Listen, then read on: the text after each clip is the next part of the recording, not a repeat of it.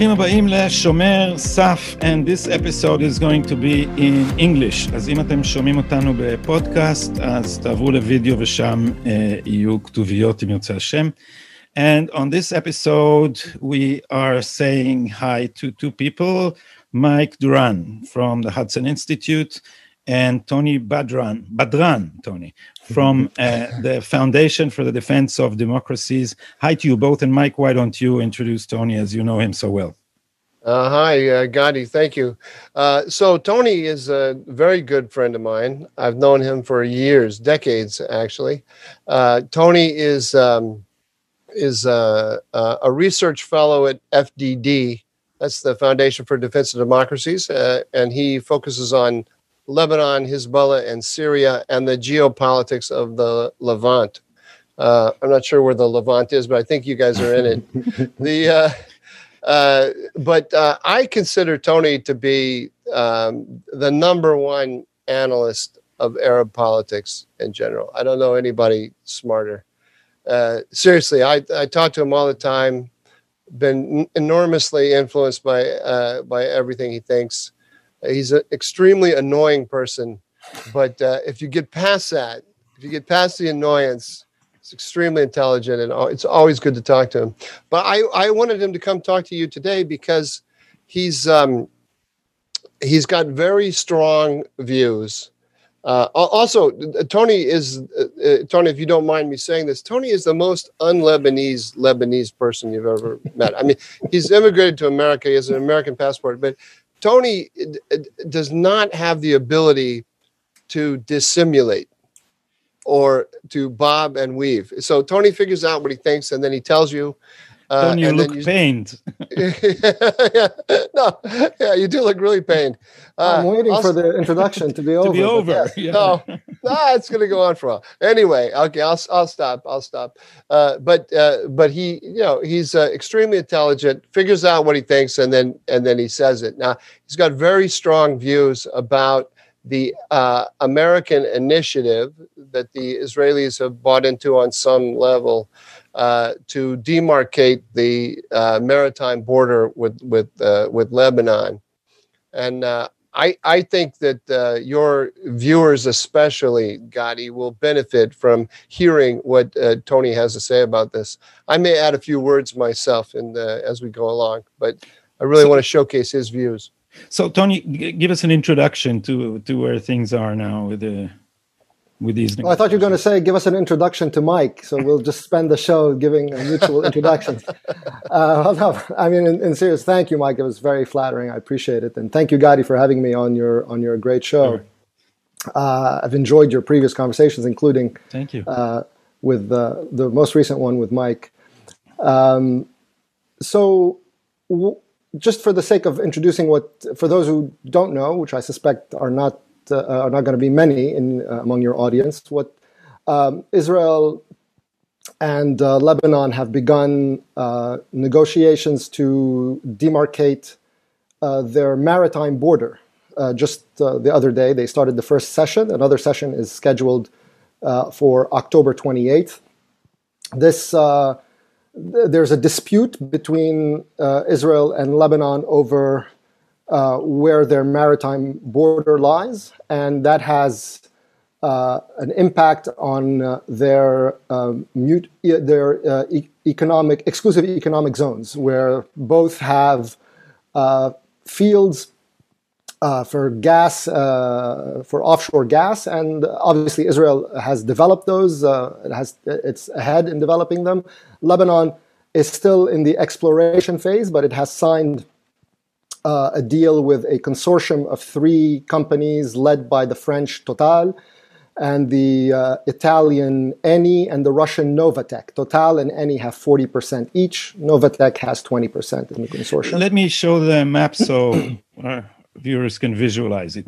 So th- this this darker area is the dispute the disputed uh, area, and it's like there's a disagreement on the angle of the border on the on the the shore side. So and how to project it into the sea, right? This is correct. Uh, there is a so Lebanon.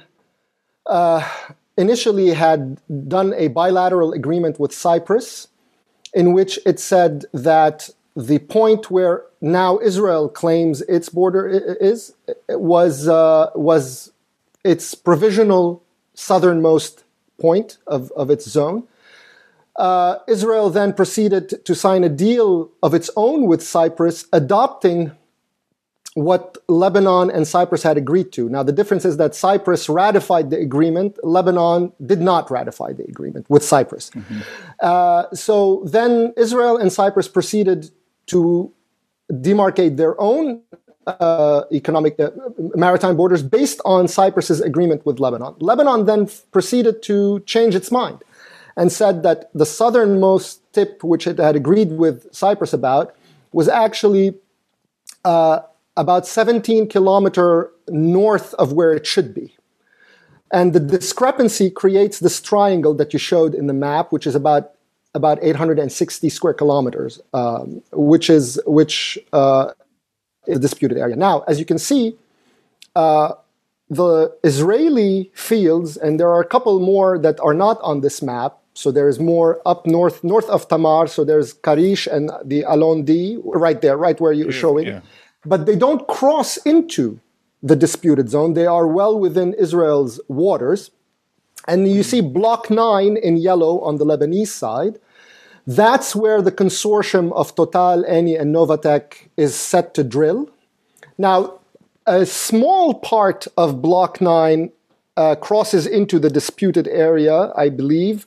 But uh, uh, regardless, the fact that this has been a disputed uh, area, has stalled uh, the consortium's ability to begin operations in Lebanon. So, whereas Israel has been able, because its fields are further south, to start developing them, to, uh, ex- to extract gas, to get them online, and more importantly, to find an export market for them, uh, Lebanon has not. Now, all of a sudden, because Lebanon's economy has collapsed, uh, the Lebanese once again have uh, renewed interest in in uh, getting um, uh, getting an agreement.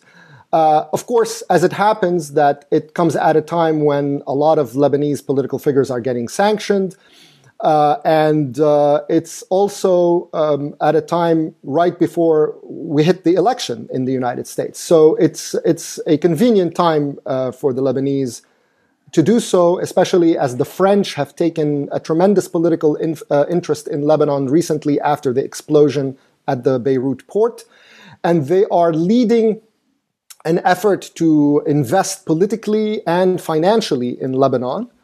Uh, and the United States, sort of inexplicably, has decided to take this moment to begin this process. So, to my mind, to put sort of the bottom line up front, to my mind, the um, US initiative uh, and the amount of political capital that has been spent on it is completely unjustified and uh, ill timed, and also uh, has the potential to undercut the US position vis a vis Hezbollah and Lebanon, and in fact, maybe even uh, a little bit beyond that. Uh, should uh, should this uh, should this initiative proceed Um, uh, uh, you know uh, proceed forward. So it, it could undercut the United States uh, important achievements for the United States. Because because it because it lets uh, Hezbollah off the hook while we were just getting it surrounded and suffocated. I mean we America right. with Israel's help. Right. So I mean the initiative as I as I see it does not advance any obvious US interests. Uh, its effect for Israel, even, uh, are actually also marginal. It, you know, Israel is already exporting gas. It's not uh, so the and whatever exists near the border with Lebanon are things that are already within its territorial waters. Maybe it affects their ability to explore more near the border, but it doesn't actually alter uh, uh, anything with regard to uh, Israel's energy um, operations. Um, the way it's been presented to the Israeli public, to the extent that it was, Israelis are not, not, not focused on that right now, is another prospect of peace. What do you know? We had peace with right. the United Arab Emirates. We had peace with right. Bahrain. Now we're going to have peace with Hezbollah. Imagine that. And right. also, we would have some agreement with them so that in case of war, they'll respect our uh, drilling rigs and we'll respect theirs. This is how the, the issue is framed for the readers of Haaretz, say. Right. So that is a problem. So on, on the first, for, for, the first point, this was also how it was presented in the United States, and that is uh, a dishonest presentation, uh, because number one, to equate this process with what are in fact actual, real, and historic achievements for the White House in getting uh, Arab states to normalize, not just sign a peace agreement, but to normalize relations with Israel, to equate that with this process in, in Beirut is to cheapen an actual achievement.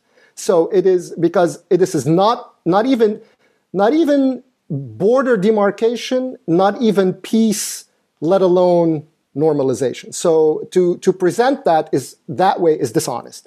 So we're uh, just helping save Hezbollah. That's that's what we're doing with all this thing. So that's what I started to say. It advances no obvious American interest. The impact on Israel is marginal. The upside is entirely on the Lebanese side, entirely. So they get French, uh, further French investment, political and financial. The first thing the Lebanese did when they announced the framework agreement to begin negotiations was that the Speaker of Parliament, Nabih Berri, Hezbollah's ally, uh, immediately said that he has uh, informed Total that they need to begin drilling before December. So they want Total to immediately start operations so that Total can start investment in, in Beirut. Um, of course, this undermines the US position uh, of, uh, of uh, pressure but also it undermines the U.S. declared position that somehow it uh, it does not want to uh, strengthen this corrupt political order and political class in Lebanon. Meanwhile, uh, the only people who are going to benefit from it are these uh, this uh, political class.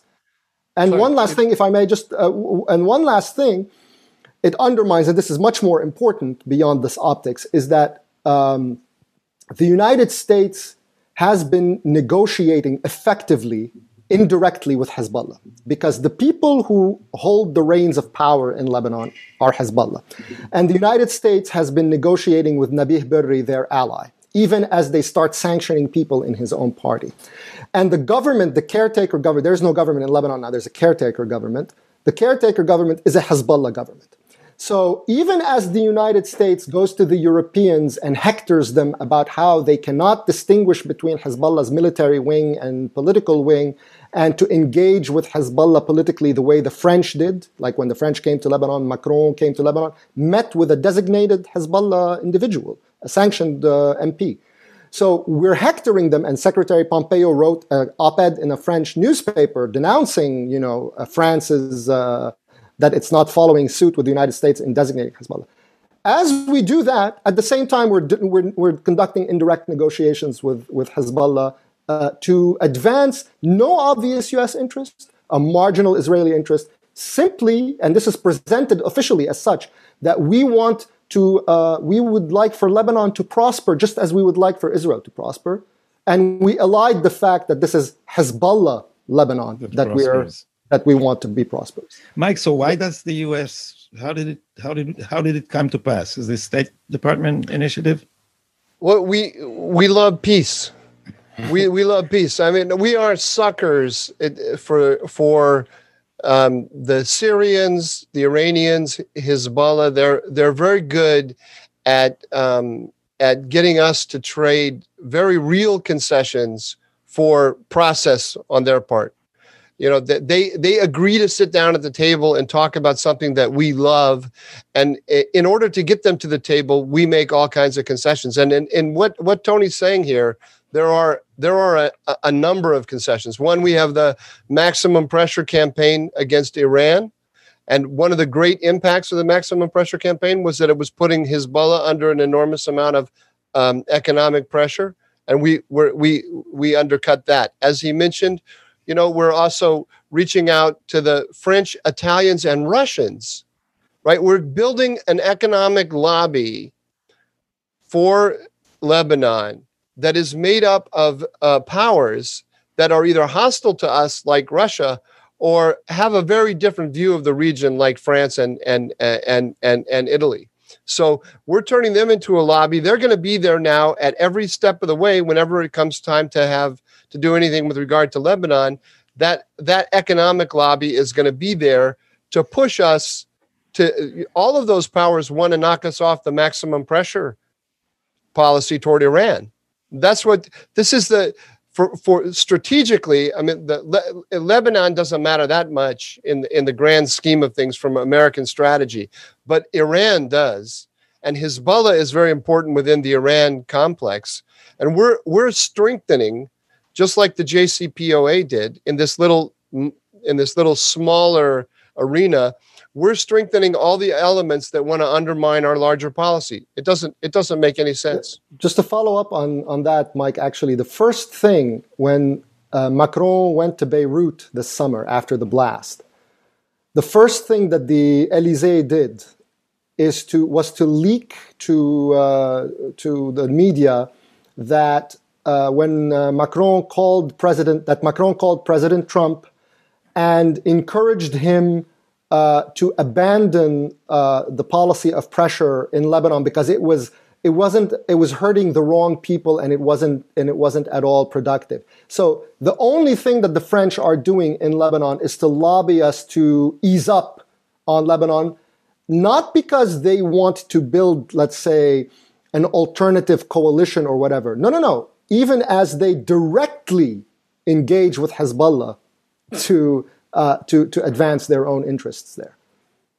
And this is uh, the Hezbollah media, Tony. I, you you should speak to this, but Hezbollah media is spinning this as a victory for Hezbollah because Hezbollah brought America to the table not not not Lebanon, but but Hezbollah.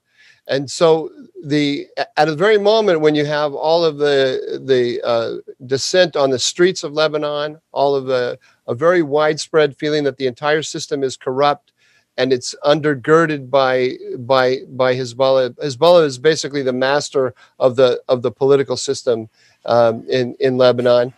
People uh, uh in, in the United States, and I suspect in Israel too, are saying that, oh, this is a way to undercut this is a way to cut, undercut Hezbollah because we will set up the funding such that Hezbollah doesn't have control over it and so forth. And therefore, we'll put them under pressure. And, and Gadi, as you suggested also, well, they'll have a vested interest in their, in their economic pro, uh, pro, uh, project on their side of the border. And so therefore, they won't be interested in any kind of conflict with us because they're going to want to keep the peace in order to get the, in, in order to get the money. This is all, this kind of thinking if you've ever been closely involved with the Syria or Lebanese or even some of the Iraqi discussions, oh, look, take, you know, the, the equivalent in the Israeli context would be um, the second intifada. And imagine, I'm sure that there were lots of Israelis who say Arafat will never engage in the second intifada because the, the economy on the West Bank is exploding and they're doing so well. And if there's violence between Israel and the West Bank, it will undercut the West Bank economy and that will undermine Arafat. So Arafat will never engage in violence. Right? How, how, how, uh, how successful was that logic? Where, where in the Middle East have we ever seen the United States or Israel build up an economic lobby across the border with hostile actors that actually moderated those actors in, in some way. I've, n- I've never seen it happen. Not, not in an economic lobby, but um, in a political uh, cooperation, say as with Jordan, um, it sometimes it sometimes helps it helps. But Jordan, uh, Jordan has never really been a hostile actor, like uh, like not like in the sense of Hezbollah. Yes, yes, Jordan has fought wars with with Israel, but there has always been a strong um, a, a, strong desire on the part of the Jordanian authorities, always, even in the mandate years, to come to an accommodation with Zionism and then and then Israel there's never been a desire on the part of Hezbollah or uh, or or Hamas or Iran to come to, to such an agreement?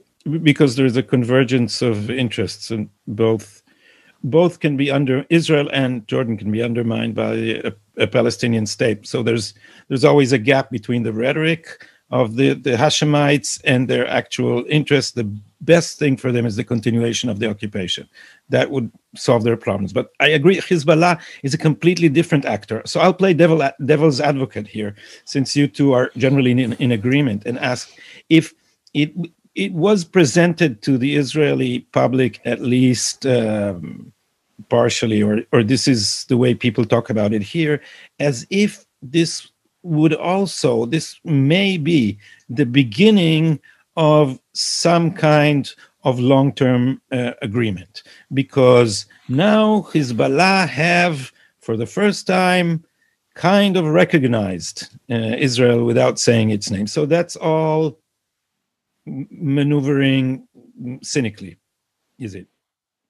Yeah i i mean i i don't understand this at all because uh, Hezbollah has always allowed, for instance, the tripartite committee between that was established under uh, Security Council Resolution 1701, which came after the 2006 war, which allowed for a tripartite uh, committee of the Lebanese armed forces, uh, the IDF, and UNIFIL to talk to each other to resolve disputes and and uh, to delineate uh, the blue line. So that has never been an issue. Um, uh, and what happened this time around is the second uh, people were starting to present uh, the participation of non military uh, officials on the Lebanese delegation in the talks as some form of soft normalization or recognition. Hezbollah immediately came up and said, okay, you know what? We'd rather actually not have uh, civilians. We just want it to be military so that the military, so that it doesn't diverge from the existing um, uh, uh, format of, of communication.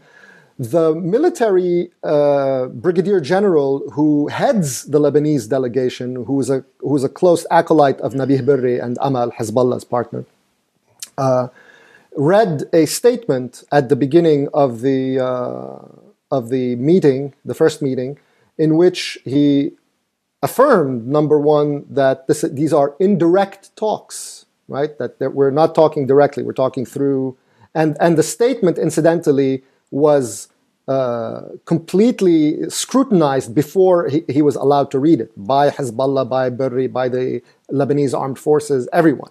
Right? So it was a very carefully worded statement. And it's an interesting thing because the statement leads off the, par- the first paragraph of the statement leads off by saying we are here to discuss in these indirect negotiations under the aegis of the under the sponsorship of the UN, which is also a bizarre language because the US is the mediator, and then they put the US second as a facilitating mediator, right?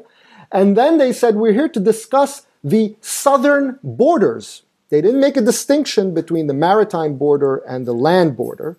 Which this is, is a big. This is very important. I, I think you should uh, you should help us understand here the difference, the the, the significance of them, uh, uh, of the Lebanese demanding that the that the land border be part of this. So for the longest time, the reason why we haven't been able to get the Lebanese to do this, uh, to sign on to this agreement, since we started in about 2012 under the Obama administration, Fred Hof first started it, and then Amos Hochstein started, uh, continued to try to get a, uh, a, deal. And every time, by the way, more concessions were given to the Lebanese, right? And and uh, the idea was that from from the Lebanese uh, point of view, there were two conditions. Number one, this has to happen under UN sponsorship not under uh, you know the US can be a facilitator, but this is this has to be all referenced with the UN all lodged with the UN. And number two, which of course doesn't work for Israel, you know. And number two uh, is uh, that there has to be a simultaneous demarcation of the land border and the maritime border. Now, this time around, they probably because of you know the, uh, on the one hand the economic meltdown in Lebanon, the threat of sanctions to try to neutralize this administration a month before they hit the election, uh, and then you know we'll see what happens. Uh, they did they conceded, and but the way it came out, the, the framework that we agreed to also conceded some of theirs, but indirectly. So we're kind of we're both playing this dance now that, that that's going on. The US agree so they agreed for to US mediation, even though it's under UN uh, the UN aegis and with the participation of the UN. So there's a UN delegation there. But we agreed to a separate parallel, and we put this in our statement uh, that announced the initiative, that there would be a separate parallel track, not under the US uh, uh, mediation, but separately between Israel, UNIFIL, and Lebanon to start demarcating their land border as well. So we gave them that cover and we pulled out from it and we said, let the UN and Israel uh, uh, and, and the Lebanese handle it themselves. But the but the the, the Lebanese want Hezbollah wants the land border in there because absolutely of she, because of Sheba Farms because of uh, absolutely. Uh, Har Dov right? They want to they want to claim that they are that they are fighting against Israel for Lebanese land Sheba Farms which which sh- no American administration should should um, agree to either directly or indirectly because the United States has now recognized Israeli so- sovereignty over the Golan. Sheba right. Farms belongs to Israel. The United Correct. that's that's American that's American policy. So the United States shouldn't be in the business of reopening the question of the land border. And. Hezbollah can now go to its own public and it can, it can go and say we got the Americans to reopen the the the question. Now, whether the Americans are going to say that didn't happen, but why are we even playing this game? Why are we allowed, why are we why are we helping them in that way? That's exactly my question. So that's one of the things I said at the outset that potentially could actually be extremely damaging. Because just like the normalization deals were actual achievements, President Trump's recognition of Israeli sovereignty over the Golan is an actual historic achievement, right? And the fact that the State Department flippantly relit opens the door toward relitigating that position uh, is is is is incredible. Uh, be- can I can I interrupt you for one second? Sure. Let's let's also remember where this how this came about originally because it's the same kind of process. Back in 2000, the Security Council demarcated the land border, and they and right. the Security Council voted on it unanimously. And this was in the pro- this was as part of the process of the Israelis pulling out of Lebanon. Uh, and so the Israelis pulled out, and the uh, and the and the Security Council determined as a matter of international law that Israel had withdrawn from Lebanon because it decided where the where the, the where, where, the where the where the blue line was. So the blue line being that, the international border, just to the international. Well, border. it's it's it's the yeah. I mean, it's the it's a temporary. Uh, right, because it hasn't. There's no yet, because there's yeah. no agreement with the Lebanese. Bilateral, but, but, yeah. But as far as the UN Security Council is concerned, that's the line. That would be the yeah. That's the line. So uh, now, before before Israel withdrew, you'll remember if you go back to the debates of the time, everyone said, oh, the cause of the conflict with Lebanon and with Hezbollah is the Israeli occupation. If you get rid of the occupation, then there's no reason for there to be any conflict. So what did what did Hezbollah do? Hezbollah invented Sheba Farms, and they invented it, right? They suddenly the Sheba Farms is, is actually in in Syrian territory. It's not in Lebanese territory but the but the but the Hezbollah, uh, but but because the lines haven't been drawn between Lebanon and Syria in that area, um, and so on, they can play this game. So they they they invented it, and there's no people there, um, and they said we we can't accept you know we can't accept Israel or normalization with Israel or relations with Israel uh, um, because Israel is occupying, and we can't accept the blue line because Israel's occupying Sheba Farms. So uh, they invented they invented they invented a pretext. My my point about this is that when I was in the White House in 2005 to 7, we reopened the Sheba Farms question. And uh, and uh, unfortunately, uh, your prime minister Ehud Olmert, he also he was excited about this and went along with it and we did it under the under the idea that we're going to start uh, we're going to start a uh, a negotiation and and the mere fact of negotiating is going to undermine Hezbollah because we're going to take away the pretext from them of Sheba Farms. But they make up pretexts every other day. They don't need, they don't, th- there's no way we can take that away from, them. That's the uh, key from them. Yeah. because the hostility to Israel and the hostility to the United States is fundamental for the organization. But we keep playing this game that it's really about it's really about whatever issue Hezbollah is complaining about today. that, I mean, that's a key point to my mind that the idea of playing along with this pretext business, which has unfortunately become a deeply entrenched uh, uh, position in the United States among policymakers, that we, in fact, U.S. policy toward Lebanon is actually predicated on this on this business. That somehow U.S. policy, the the job of U.S. policy is to under, undercut what it calls Hezbollah's narrative, right? If The we narrative war. Right. If we strip Hezbollah of its argument and pretext and we win the narrative, all of these things, by the way, are like totally real, mind you, right? And, uh, uh, uh, and I say that sarcastically.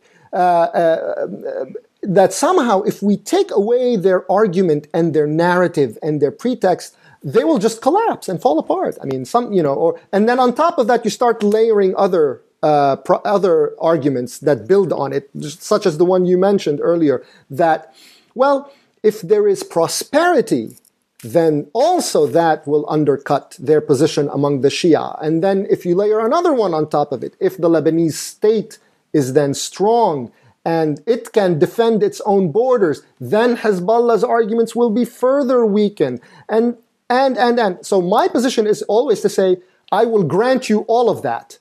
Please explain to me the next step, the mechanics of what happens next. We have completely undercut all of Hezbollah's arguments, and then what? What happens? This is this is the the hummus on the beach of Gaza argument in Israel.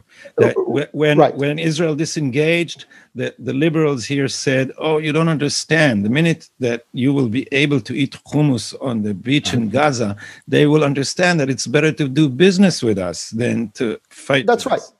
That's what exactly what uh, what The- this uh, this is this is that is the that is the fundamental idea under this whole this whole process of demarcating the maritime border. It's it's hummus on the beach of Gaza again in a new form. And this this argument comes up over and over again in in in, in anything to do with Israel and the United States. I think yesterday the ambassador, the Israeli ambassador to Egypt, uh, reiterated this point uh, on on Arabic uh, American Arabic TV. Al Hurra said uh, that uh, you know now you know the Lebanese will see.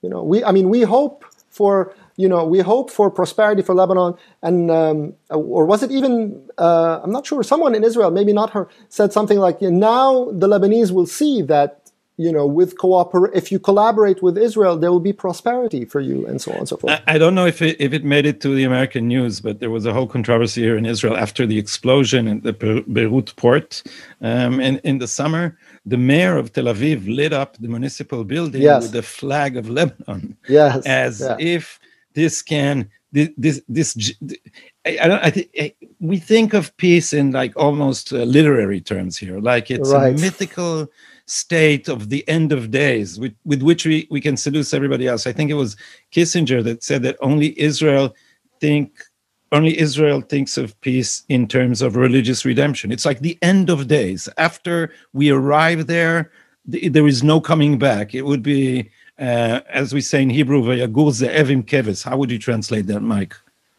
So the the the lamb will lie down with the with, with the uh, with the lion. with the wool oh the lions it's in Uh, israel yeah, a, yeah. a right-wing Israeli member of parliament once once said that that's a very nice vision, but in that vision, I'd rather be the lion. right. Um, so uh, how how does it come about in America, Mike? How, uh, does this is this? It doesn't sound like Mike Pompeo. It sounds like No, like uh, uh, well, Barack Obama's administration. Trump, it certainly but doesn't sound. No, it- it's it's an American. We we have the same. You know, even though Kissinger said that, Kissinger is very un-American in that regard, because we um, Americans have this um, this fantasy as well of universal peace. It's very it's very hard to argue to Americans that the way you bring about peace is by having strength and threatening your enemy with uh, annihilation or enormous pain if they do something. I mean, that's not a you can make that argument, but if you say that that's the end of it, that there's no and then, then the, their next question is, well, but how do we get to peace with Hezbollah? And and and you say, you don't. I, I can't forget, don't. Mike, this thing that you, you don't, re- and it's not your responsibility. I can't, I can't, forget this this thing, that short video that you retweeted when there was this. Everyone was talking about peaceful demonstrations, and there was this woman with a gun, and these people were coming down the road, and they obviously she was a Trump supporter, and they were some I don't know Antifa guys, and they said why are you pointing a gun at us? We're peaceful protesters. And she said, You're peaceful because I'm pointing a gun at you. that's exactly, that's exactly well, that's right. That's that's exactly right. That logic, uh, that logic is, of course, Americans understand that logic, no problem. But they they they really want there to be something more, and especially with regard to um, Israeli Arab peace. Uh, I think because the because of the biblical associations in in mm-hmm. the American mind, even for secular Americans, um, there's still like you know lincoln talked about the mystic chords of memory there's still this notion that there's something uh, there, there's something um, uh, divine about israel even for secular people and if we can if the United States can play a role in brokering peace between Israelis and Palestinians or Israelis and the, and Hezbollah, then that's wonderful. And look, look how much news it gets. The uh, you know it, there are more important things the United States could do at this time to to enhance its position in the Middle East than demarcate the border of uh, of of right. Lebanon and Israel. But the the attraction of the of the uh, of the handshake on the White House lawn and of bringing uh, uh, Arabs and Jews together, it has a kind of mythic quality to it, and and the State Department especially, there's something in the air in that building. It doesn't matter. You can take the most hard bitten person, and you put them in that building, and they start sucking in that air, and they, they just want to go negotiate Arab Israeli peace. Look, you know, Tony made a. So yeah, uh, Tony Tony uh, alluded to the fact that the here's here's another thing that's crazy uh, from the point of view of how you deal with an actor like Hezbollah. The United States has been historically, uh, when I say historically, over the last decade or so, pressing Israel to make concessions to Lebanon on the maritime border. When we say when you say we are we are nego- we are mediating we are putting our thumb on the scale against Israel. The Israelis are okay with it because they're okay with it because as as the map shows all of their fields are are are below the the southernmost line. So what the Israelis really what the Israelis really want is they they just want to get the agreement. If they look at it from a a very narrow economic interest.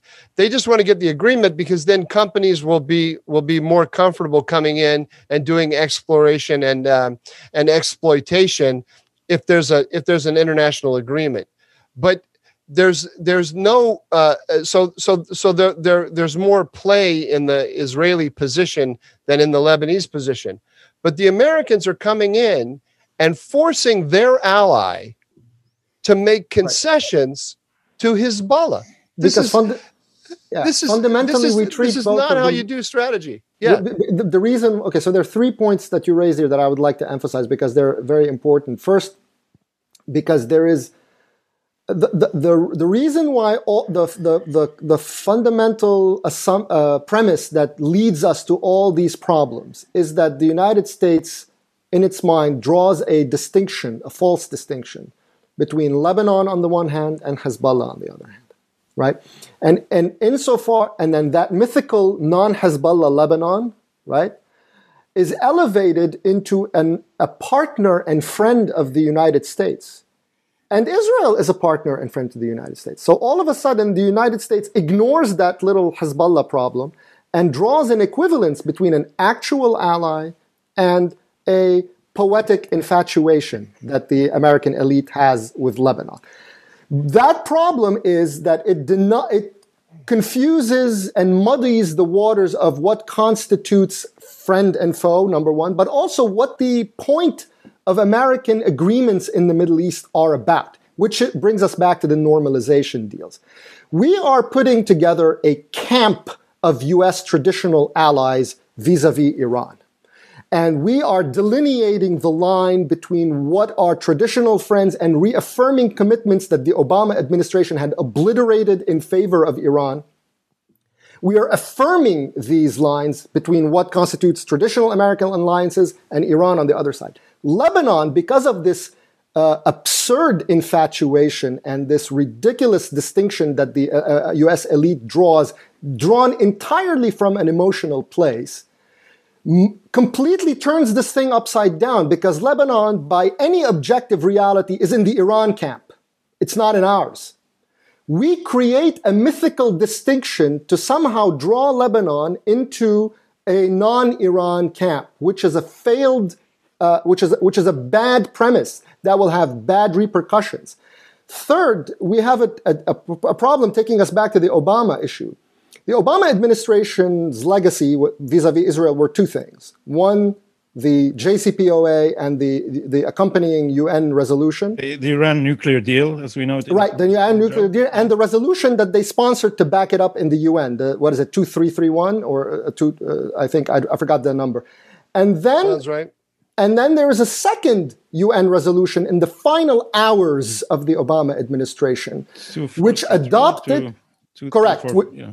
Correct, which adopted the uh, maximalist position on the 67 borders of the Arab states. The 67 borders puts you at odds with Syria and Lebanon on the Golan. The Trump administration came and said, that's finished. It's no longer yeah. our position. We destroyed it the idea that you're relitigating this now on the cusp of an election that might bring back Obama, the team Obama, to the White House, which has not accepted President Trump's position on the Golan, incidentally, is an insane proposition for the State Department to embark on two weeks before the election for no value whatsoever. So strategically, it's confused.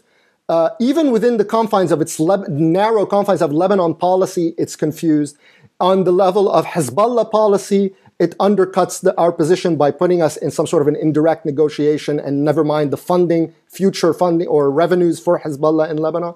And on a very serious set of achievements with regard to the, to, uh, to uh, the Arab Israeli uh, conflict arena that President Trump has made real significant departures from the previous position. All of these things are now flippantly being put back on the table for something that really has no value for US interests whatsoever. And, and in terms of the Israeli interest, it's actually missing a chance to to bring Hezbollah to its knees is is a, a long-term strategic mistake on the on the part of Israel. But all this is now up in the air because what happens if there's a Biden administration, which is an, an Obama administration? Again. Well, the, the, this is this is the this is what Tony's saying. Uh, they they have created a tool, which uh, you know, in their own hands, they're not going to do anything that's going to be that uh, you know that's going to take us radically out of the framework of the Trump administration. But in the hands of the of of, of a Biden administration, this will become they, they can use these issues in order to reopen the Golan question. They can use it to put pressure on Israel uh, over the maritime border, present Israel as the problem, uh, which they which the left wants to do. I mean, one of the one of the things that Israel should see as its role is to keep the U.S. vectored on the things that the U.S. does best. What does the U.S. do, do, do best? Crush the Iranian economy crush Hezbollah economically, right? That's the the, the the the the minute the United States tries to get clever and starts thinking that it's going to go like this and and and and and make things exciting things happen over here, it, then it starts to lose the game. And there there is. If, if you talk among the diplomats about this kind of maritime border thing, there are other ideas that are floating around in the atmosphere that this reinforces. For example, for example, the UAE, uh, who is now, of course, you know the, the the greatest power in the world, Israel's best friend, and Israel is inclined to agree with the UAE about everything. But Israel needs to think twice about the UAE in Syria because the UAE is, is pro Assad in Syria, uh, uh, or at least pro engagement of Assad. And they're selling the idea that we can build up an Arab pole and pull Assad away from Iran. Will Assad become totally, you know, anti-Iranian? No, he won't flip like Egypt flipped uh, after Camp David.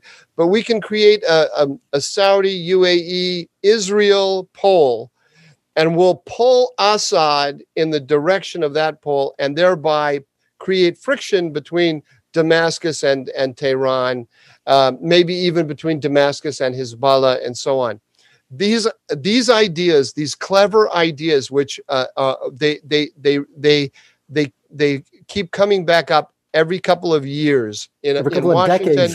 Uh, all the time. They, they they come back all the time. Each time it's in a different form. Well, we're trying to we're trying to drive a wedge or, or, or create tension between Damascus and Tehran, or between uh, between uh, Hezbollah and Tehran, because Hezbollah is actually a Lebanese um, militia. It's not really just an arm of the uh, of the Iranian Revolutionary Guards and so on. Um, and all of these ideas never lead anywhere. The tension never emerges. But what they do is they undercut the, the priority of the United States, which is to smash the economy of revolutionary Iran and its allies like, like Hezbollah. That's what the, the United States is very good at. It doesn't take a lot of thought. I mean, it does take a certain amount of thought up front, but once you figure out how to do it, you just push the button and you and, and you make it happen. But then you have to stay the course because all the clever people come to you with all of these schemes to explain how we can create a better world if we engage with that one and put money in the pocket of that one and so on. And the answer the israeli answer to all of this should be we demarcated the border in 2000 when you are ready hezbollah to accept what the un security council unanimously agreed then we'll sit down with you. We got the Golan from the American the, from the Americans. When the Americans start to talk about changing the border, we should say to the Americans, no, we we agree with President Trump. The Golan is Israeli. We're not going to get in any process that's even even hints at the possibility that it might be something else. So, if the, to go back to my my uh, brooding all this is not going to be very relevant if there's a Biden administration, right? This is all going to go, uh, um, all Trump has built in four years is just going to collapse back to the Edward Said paradigm, and we're going. Oh no, no, no, I don't, I don't, no, I don't think so. I, I mean, uh, I, I think that first of all, uh, he's he, he has put things in Israel's pocket that Israel's not going to just simply give up and and it's going to be very hard for a, a, an American Congress, even a Congress dominated by Democrats, to get behind the idea of making Israel give it up. You know, moving the capital out of Jerusalem or whatever. I think even if they even if they wanted to have that political fight, it doesn't make sense to me that they would. But what it what but even if they did, I think it would be very easy to make it revert back. Uh, you know, in a, in a, in a, in a couple of years' time. Same thing with the Golan, and hopefully the Trump with the the Kushner plan and the in the with regard to Israelis and Palestinians, um, I because of the the success that it immediately generated with the UAE and Bahrain and maybe others as well, I, I think that that has established itself as an alternative way of dealing with the Israeli-Palestinian question. It, it won't uh, it, it won't be the way that the Biden administration will adopt but it it's now it's now out there as an as as a legitimate pathway that the United States can so, go down. So no one is going to say again like John Kerry, no, no, no, and no. You remember that? right. You can't solve the yeah. problem unless you I mean, start with the Palestinians. But Tony, it's been disproved. Since, since we have you here, um, um, and and we are all, I think, um, very anxious about the results in Israel, about the results of a of the, the coming elections in America. What's your uh, general prediction of what what the Middle East would look like in the unfortunate event of a Biden administration?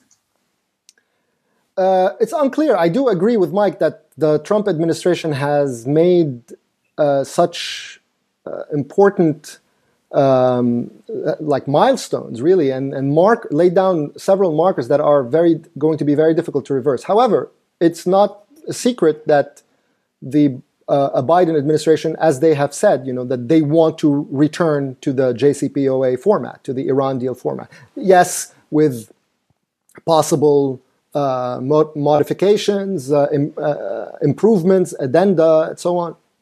But basically, to return to that framework. Um, that um, whether it will immediately lead to a um, to a uh, lifting of sanctions or easing of sanctions remains to be seen. I mean, I you know there are people who say that no, the Biden administration now understands that there are that there's very that there's a usefulness for the for the sanctions.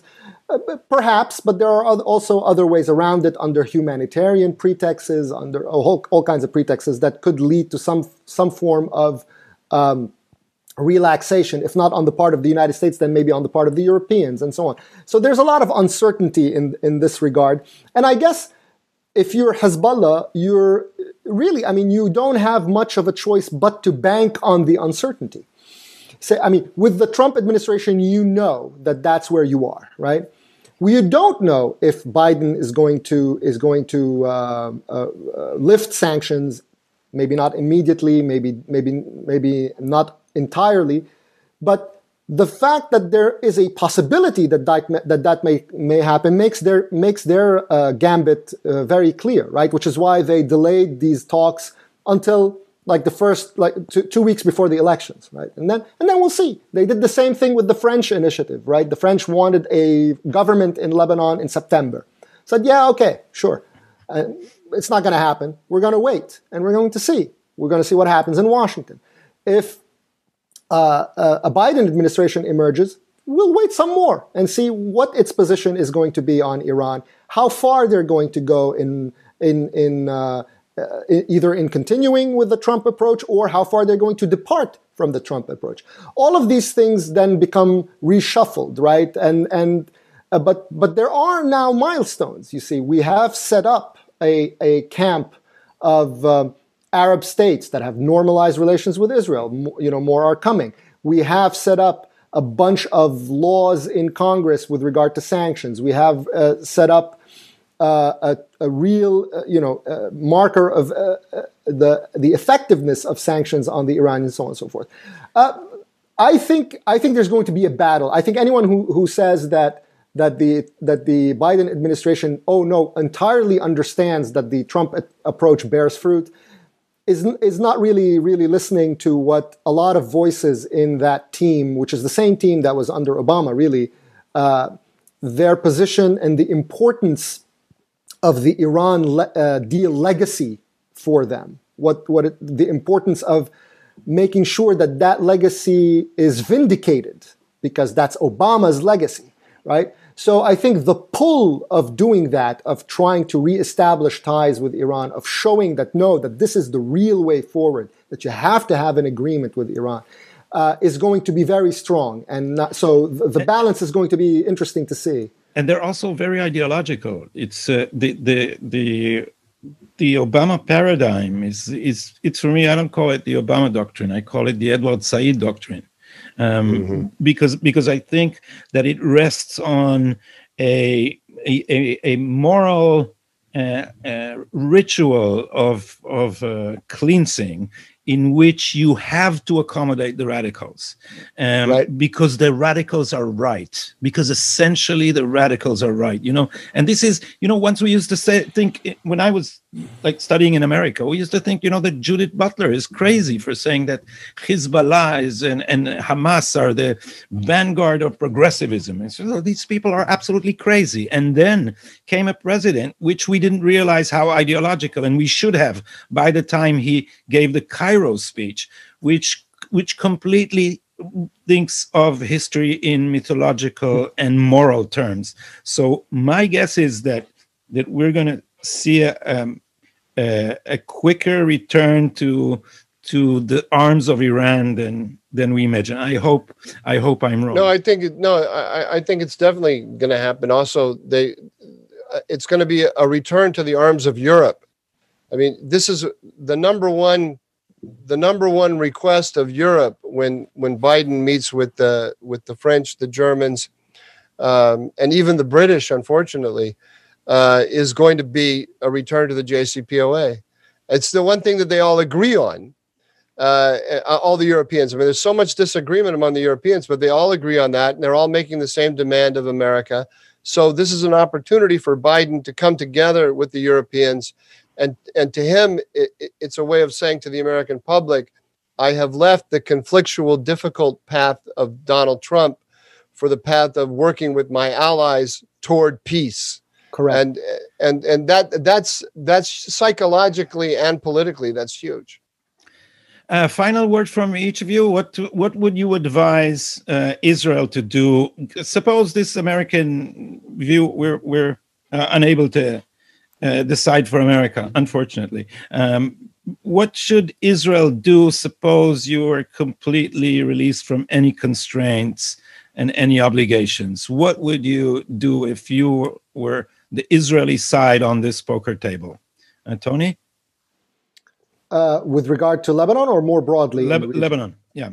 Oh, w- with Lebanon, I would uh, now that the United States has begun this process, uh, I, I, would I would say that um, if by the next session there is no immediate move towards uh, towards a clear agreement, uh, that uh, that the United that they would ask the United States to stop this, and second that they ask that they demand that the uh, State Department at the highest level issue a statement reaffirming the U.S. position that the Shebaa Farms is part of the Golan Heights and the Golan and reaffirming Israeli sovereignty over the Golan Heights. So that the American position on this issue is quite clear.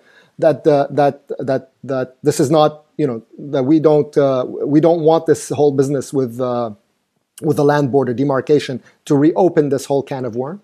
And third, uh, I would say that uh, Israel should redouble its efforts to get uh, the United States to defund uh, or and dis- disentangle itself and defund um, uh, or, the, or uh, veto the renewal of UNIFIL in Lebanon. Just end that uh, whole whole situation. Those are on on on tactical.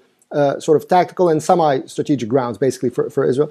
And most importantly, I would continue the push to um, dissuade the United States from continuing to view uh, Lebanon and Hezbollah as two distinct entities and showcase how this distinction is leading the US down a rabbit hole of other fake distinctions that you know uh, uh, uh reinforce those vo- voices in Europe that posit a uh, pol- political wing versus a military wing. That the United States should abandon, abandon all of this and focus on the prize, which is how to contain Iran in the region. And Lebanon does not fit in that camp of pro containment. Mike? I agree with all that, and that last point is the most important one. That that the the job of Israel is to keep the United States focused on its policy of maximum pressure. That Iran is the strategic uh, uh, uh, defeating the Islamic Republic is the strategic goal of the United States. That's the thing that Israel needs most from the United States. The the purpose of the United States, from Israel's point of view, is to is to deter Russia and deter Iran. Uh, and if you want, I don't believe this, but uh, from one of our previous conversations, deter Turkey. I don't think that's a. Uh, I, I think that's a mistake. That's part of the reason why I argue about this Turkey stuff with Israelis and with pro-Israelis in Washington, is that that the, the Turkey thing right now is the biggest distraction from the uh, it's even bigger than the maritime border but it's the biggest distraction from what the role of the united states should be which is maximum pressure on iran 24/7 every conversation that bibi netanyahu has with trump should be mr president tell me about maximum pressure today maximum pressure maximum pressure maximum pressure and they and the the the uh, you know uh, the journalist uh, Amit Segal said something. Uh, uh, how did you say his name? Segal? You say Segal. Segal. Segal. Amit Segal. Amit Segal said something clever after the after the Kushner plan came out. He was very excited about it, and he said, "You know, in the past, we made concessions and we got words in return. This turns it all around. They make concessions and we and we give words, right? That's a, that's that should be the Israeli position on every border conflict, right?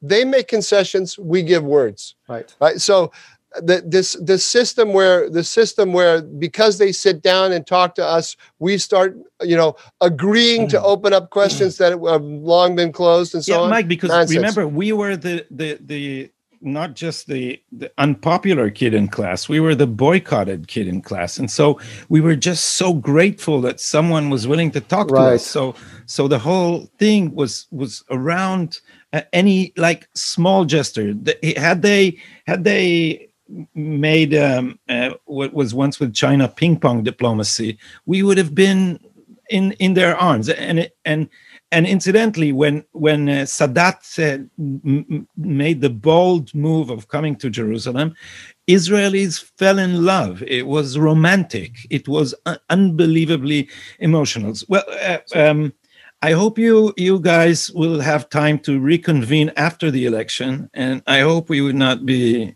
uh, having a a sad obituary session to all that we discussed today. But I'm sure we'll have we'll have much to talk about. So thank you both for for your time, and um, and uh, let's uh, reconvene in about a month. What do you say? Fine by me. That'll be great. Thank you so much for having me. Thank you. Great. Thanks a lot. Bye bye.